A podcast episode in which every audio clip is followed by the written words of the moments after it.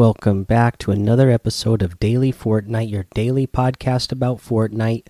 I'm your host, Mikey, aka Mike Daddy, aka Magnificent Mikey.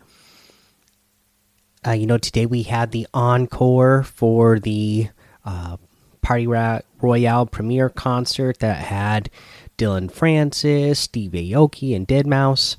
Uh, so if you were interested in that, I hope that you were able to make it to either the uh, first event or this encore. I myself, I really enjoyed it. Uh, let's see here. Other than that, you know, we got the FNCS Invitational going on this weekend. I haven't gotten to watch any of it yet but you know again they've brought back those official broadcasts so i'm excited that i can go back. I can go to the twitch and i can watch the video and watch the the tournament from today because i like watching the, the full on broadcast of everything right? You know when we didn't have the official broadcast if you were like me uh, you know, and you had to go to work, or when there was a time when we were still going to school, or wherever else places you needed to be. Uh, you know, if you if you missed it when they weren't doing official broadcasts, that meant you you had to go search out individual players and watch watch it from just their point point of view. I like getting a broadcast. I like getting a full perspective, full on story of what's going on uh, throughout the day in the tournament with all the players. So I really enjoy that they brought that back. Uh, again, I, I didn't get to watch any uh, today uh, so far, but I will, I will definitely be watching it later. Other than that, there's no news. And uh, again, you know, uh, still just keep grinding those challenges that we have right now. Uh, I've heard rumored that there's going to be another set of challenges for the last two weeks of this uh, overtime part of the season coming later this week, but I guess we'll just have to wait and see. Uh, for now, though, let's go ahead, uh, take a break here. We'll come back. We'll go over the item shop and uh, the tip of the day. All right, let's take a look at today's item shop.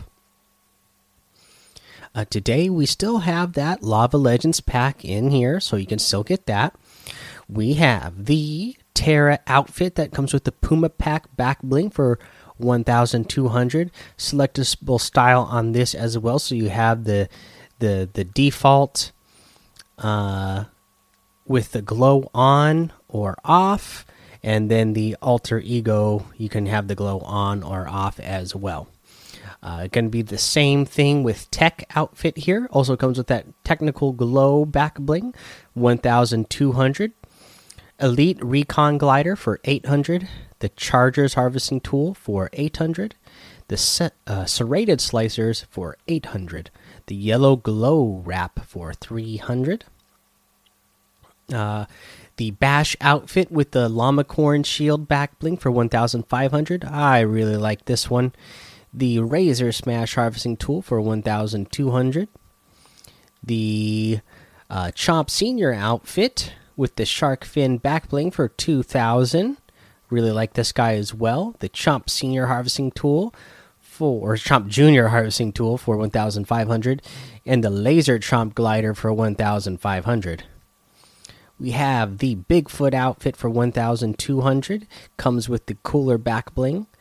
The uh, stark splitter harvesting tool for 800 i really like that one. The never gonna emote for 500 the Khmer emote for 200, the Pathfinder emote for 800, and the Sasquatchin emote for 200. Uh, we still have all our concert going items in here. The nightlight out, the nightlife outfit for 1,500. The DJ Bop outfit for 2,000.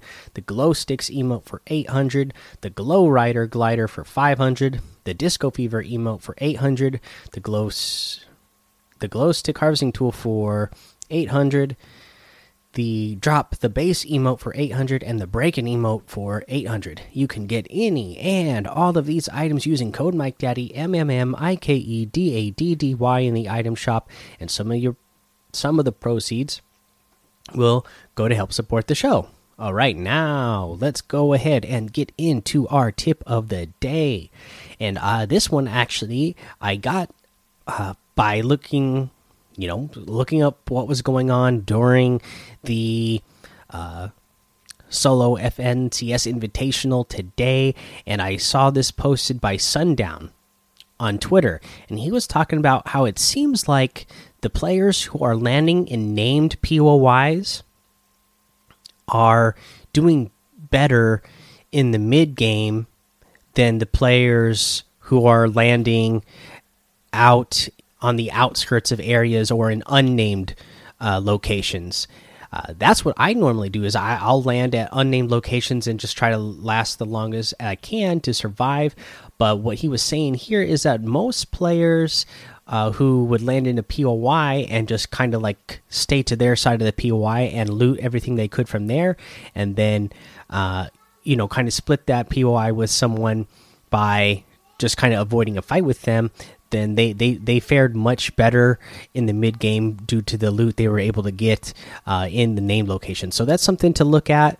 Uh, let me know what you guys think if that's something uh, you're willing to do. I I, I kind of want to look into it now. Maybe I'll, I'll start playing better in arena if I start doing that.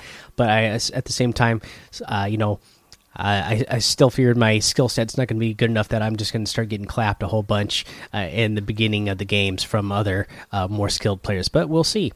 All right, guys, that's the episode. Go join uh, the daily Fortnite Discord and hang out with us. Follow me over on Twitch, Twitter, and YouTube. Mike Daddy on all of those. Head over to Apple Podcasts, leave a five star rating and a written review for a shout out on the show. Make sure you subscribe so you don't miss an episode. And until next time, have fun, be safe, and don't get lost in the storm.